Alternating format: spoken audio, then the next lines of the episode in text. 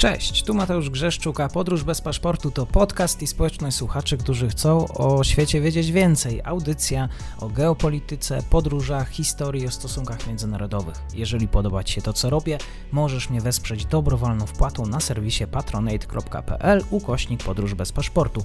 Serdecznie za to dziękuję, bo właśnie dzięki temu mam szansę rozwijać to miejsce. Obserwuj, polub i udostępniaj dalej. Zapinamy pasy, czas na kolejny odcinek podróży. Dzień dobry wszystkim słuchaczom. Dzisiaj rozmawiamy na temat skradzionych dzieł sztuki, o tym jak państwa radzą sobie z tym problemem, który jest coraz bardziej obecny, jeżeli chodzi o to dziedzictwo właśnie kulturowe. Dzisiaj moim gościem jest pani profesor Aneta Pawłowska z Uniwersytetu Łódzkiego. Dzień dobry pani profesor. Dzień dobry, bardzo dziękuję za zaproszenie. No właśnie, proces dekolonizacji w muzeach. Jaki pomysł na, na to mają właśnie państwa, chociażby europejskie? To rzeczywiście ważne pytanie, w jaki sposób państwa, w jaki sposób narody zaczynają próbować dokonywać rewindykacji zagrabionych dóbr kultury.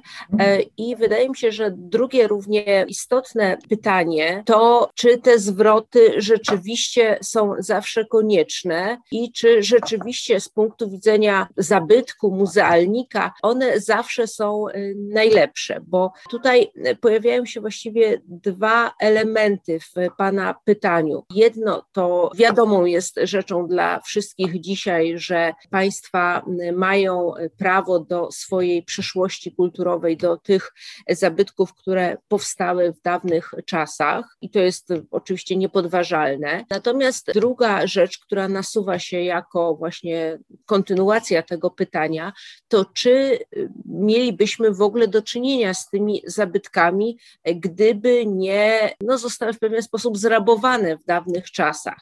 No więc tutaj są dwa, dwa bardzo ważne pytania i mówiąc prawdę, wydaje mi się, że, że, że trudno jest rozstrzygnąć, co, co jest właściwe, jakie, jakie, jaka ścieżka postępowania. No właśnie to jest skomplikowane pytanie, czy te zabytki, gdyby były in situ, nie zrabowane w wieku XVIII, XIX, na początku XX, czy one by przetrwały i czy w związku z tym, no jednak do pewnego stopnia te państwa, które je z pietyzmem przechowują, no nie nabywają jakichś moralnych praw, żeby te zabytki posiadać. O jakich właściwie państwach mówimy i czy wprowadzają jakieś regulacje, które mają na celu zwrot tego mienia i też jak ocenia Pani te działania Holandii i Francji w tym zakresie? O bardzo wielu państwach, bo właściwie cała Europa Zachodnia no może być postrzegana jako skarbnica zagrabionych przez mocarstwa kolonialne skarbów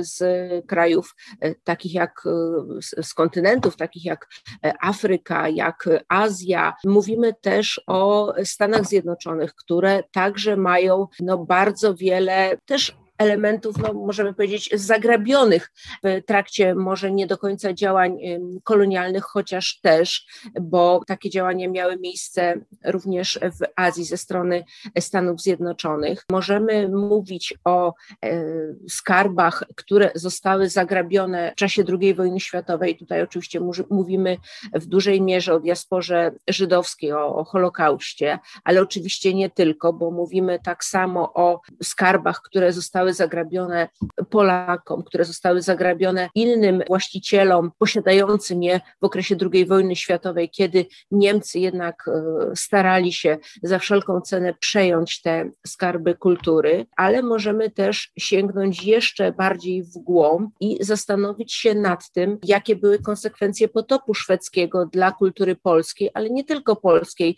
bo Szwedzi przecież e, przesunęli się dalej i tak samo Czechy straciły bardzo wiele swoich skarbów kultury e, przechowywanych chociażby od czasów cesarza Rudolfa e, II na Zamku Praskim. Więc to są bardzo duże ruchy i pojawia się pytanie w związku z tym, co zadecydował prezydent Macron odnośnie części skarbów zagrabionych przez Francuzów z terytorium Beninu.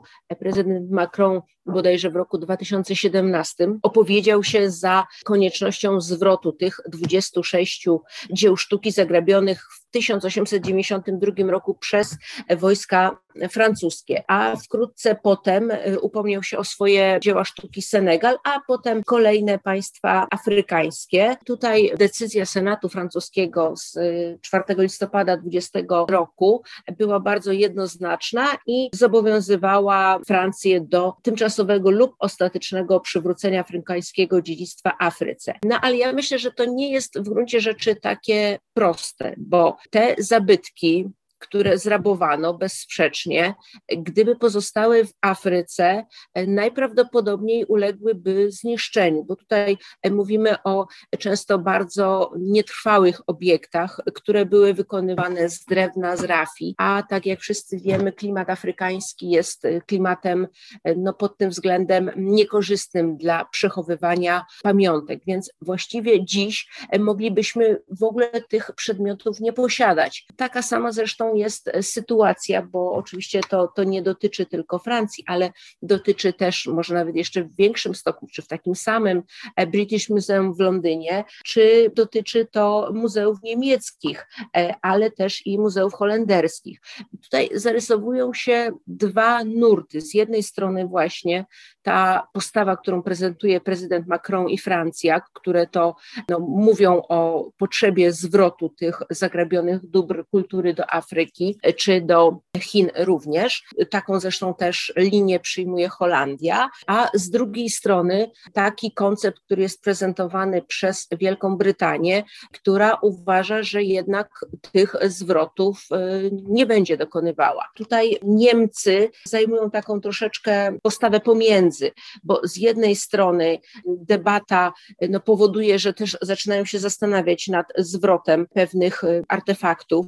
Tutaj między innymi można mówić o popiersiu Nefretete, które zostały przywiezione z Egiptu do Niemiec w 1913 roku i które jest no, jednym z głównych, kluczowych obiektów w Nowym Muzeum w Berlinie.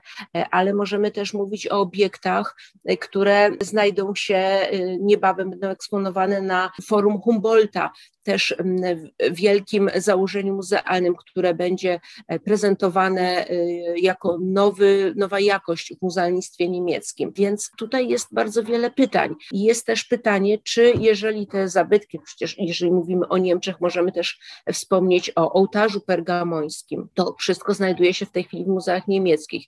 E, I czy rzeczywiście, jeżeli rozpoczną się zwroty, to czy te wspaniałe artefakty, które są no, dziedzictwem kultury właściwie całego świata. Czy one znajdą się w odpowiednich warunkach? Czy ich no, nie tknie problem ubóstwa, który na przykład jest dość typowy dla wielu krajów y, afrykańskich, problem korupcji, czy te y, artefakty przechowywane teraz w muzeach europejskich nie znajdą się w rękach e, prywatnych kolekcjonerów, jakichś pokątnych handlarzy dzieł sztuki. To są bardzo trudne pytania i właściwie osoby, które, które znają y, Afrykę, też nie są, nie są w stanie udzielić odpowiedzi z całą stanowczością, że te wszystkie dzieła sztuki powinny wrócić do Afryki, czy powinny wrócić do Azji. Być może pewna ich część tak, ale czy, czy, czy wszystkie? Czy na pewno to będzie najwłaściwsza decyzja?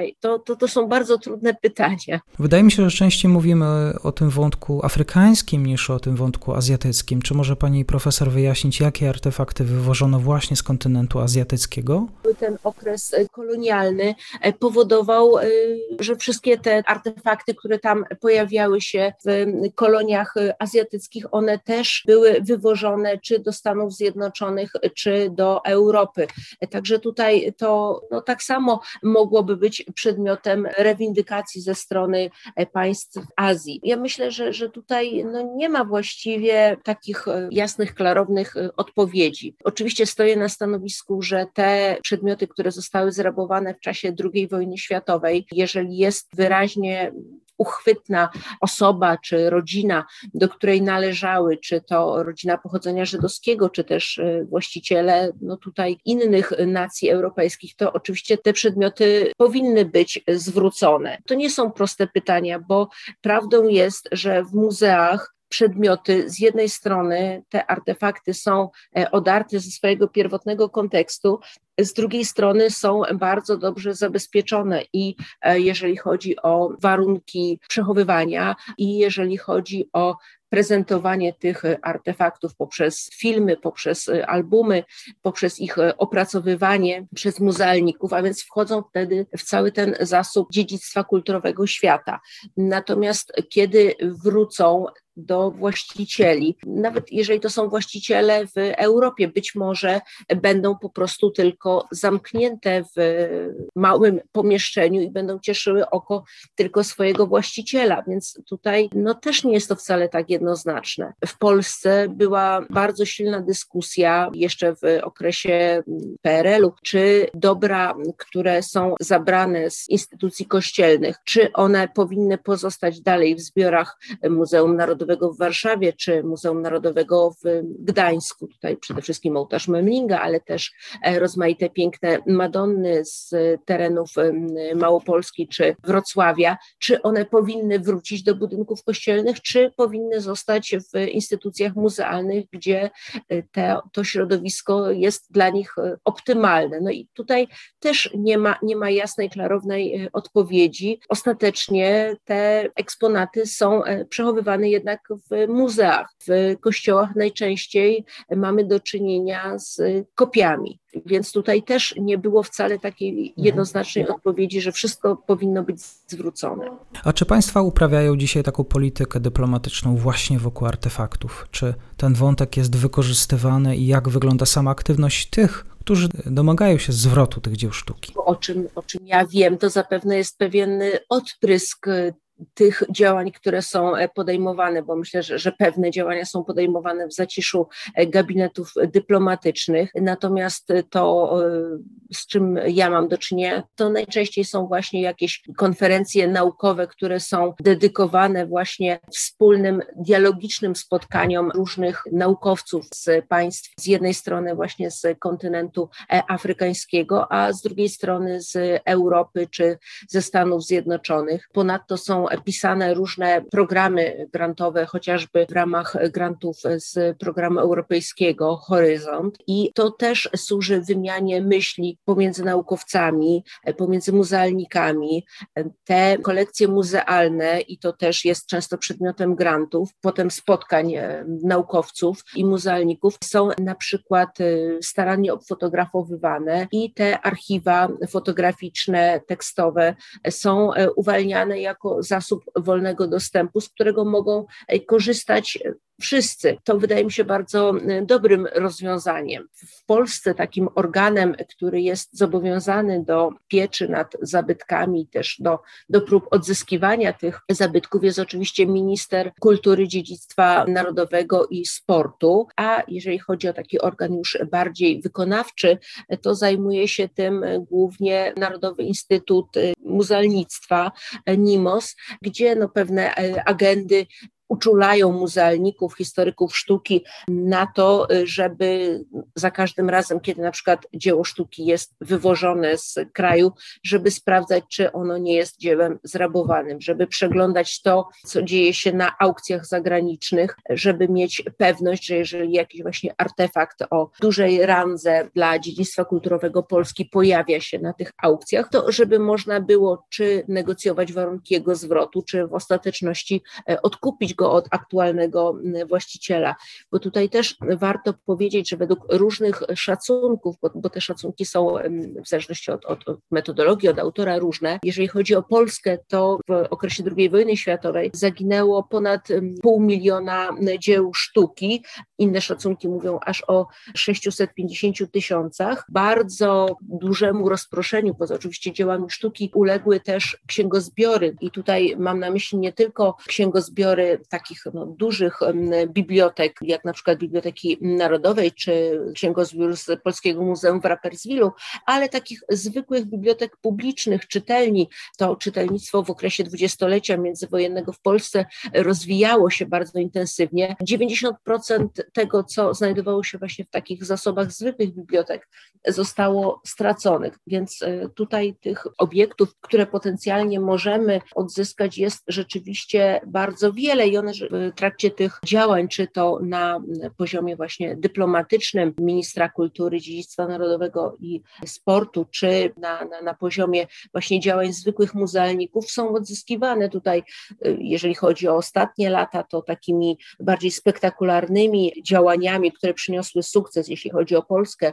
było odzyskanie obrazu Anny Blińskiej-Bogdanowicz, Murzynka, czy odzyskanie obrazu Aleksandra Gierymskiego, Żydówka z pomarańczami, czy obrazów Juliana Fałata, czy to też no, taki, taki już dawniejszy wątek, znaleziono XV-wieczny wizerunek Madonny z dzieciątkiem, czy skrzynie z obrazami Matejki, które były schowane w, jeszcze w 1945 roku pod Jelenią Górą. A więc tych obiektów o takiej wysokiej randze i to ze względu na ich artystyczne piękno, ale też i ze względu na zakorzenienie w historii polskiej, tych obiektów jest dużo, a z drugiej strony wciąż są takie, które są bardzo wysokiej klasy, jak chociażby portret y, młodzieńca Rafaela, który został zrabowany w 1940 roku z Muzeum Czartoryskich w Krakowie i nie został y, odnaleziony.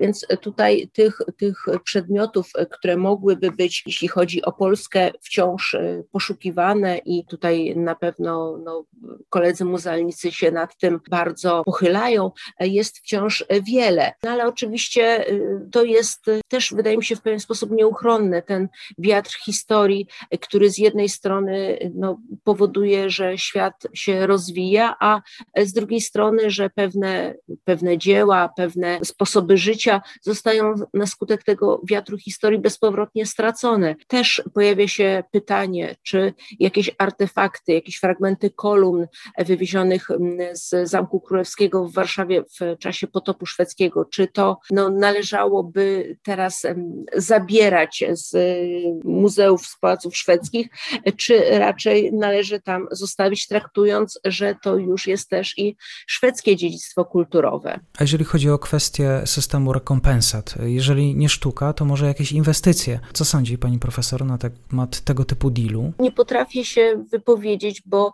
to są zupełnie inne e, obszary. Dla państwa słabo rozwiniętego wydaje się, że to mogłoby być no, bardzo rozsądne zadośćuczynienie, że, że, że właśnie jakieś wypłaty rekompensat finansowych, czy no, pomoc w zakładaniu jakichś zakładów produkcyjnych, wydaje się, że to mogłoby być dobrym rozwiązaniem. Czy dla państw wysoko rozwiniętych, takich jak Polska, czy to byłoby korzystne? Nie wiem.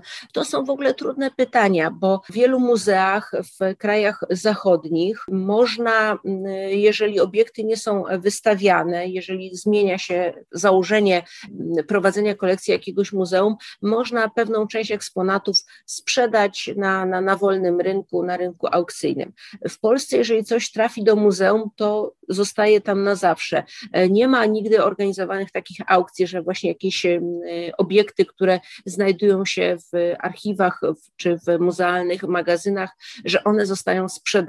No i właśnie Tutaj też pojawia się pytanie, jaka polityka jest bardziej właściwa? Czy powinno się pozwolić na to, żeby te obiekty były sprzedawane na wolnym rynku i w, w ten sposób zasilały placówkę muzealną i pozwalały na to, żeby te obiekty, które zostaną, były eksponowane lepiej, czy e, jednak ta polityka, którą w Polsce prowadzimy, jest polityką właściwą, że jeżeli coś znalazło się w muzeum, to powinno już tam pozostać na wieki. E, I tutaj też nie ma odpowiedzi, bo w zależności od tego, jak dane państwo zadecyduje, taka polityka jest prowadzona i trudno powiedzieć, która jest właściwsza. Więc tutaj myślę, że, że jeżeli chodzi o te rekompensaty za dzieła sztuki, to być może y, te właśnie rekompensaty finansowe no byłyby jakimś e, pomysłem, tylko obawiam się, że, że one nie w każdym przypadku mogłyby skutkować. No i też pojawia się pytanie, czy jednak potem znów nie pojawiłyby się zarzuty, że jakieś dzieło sztuki zostało sprzedane zbyt tanio, zbyt drogo, że ktoś, kto nie był uprawniony, przechwycił środki finansowe związane ze sprzedażą tego dzieła, tutaj też nie będzie chyba prostej odpowiedzi. Mhm. To tak na zakończenie. Na powrót, y, jakich eksponatów czeka osobiście pani profesor? Obraz Rafaela prezentujący młodzieńca, natomiast jest bardzo wiele dzieł, które zaginęły, na przykład takich, które pochodziły z kolekcji Muzeum Sztuki w Łodzi, które było potraktowane jako muzeum prezentujące sztukę zdegenerowaną i wprawdzie zasadniczy trzon kolekcji pozostał, ale jednak pewne, pewne dzieła sztuki zniknęły, więc ponieważ jestem młodzianką, z Muzeum Sztuki też łączą mnie wieloletnie kontakty, to myślę, że w gruncie rzeczy, jeżeli mówimy o moim partykularnym interesie, to, to, to najbardziej zależałoby mi na powrocie tych prac, ale z, z punktu widzenia może, może całości strat wojennych, to, to właśnie no, prace artystów związanych z renesansem czy z barokiem, którzy byli przechowywani w muzeum, w kolekcji czartoryskich w Krakowie, może to byłoby najsłuszniejsze. Bardzo dziękuję za nasze spotkanie. Dzisiaj moim gościem była pani profesor Anta Pawłowska z Uniwersytetu Łódzkiego.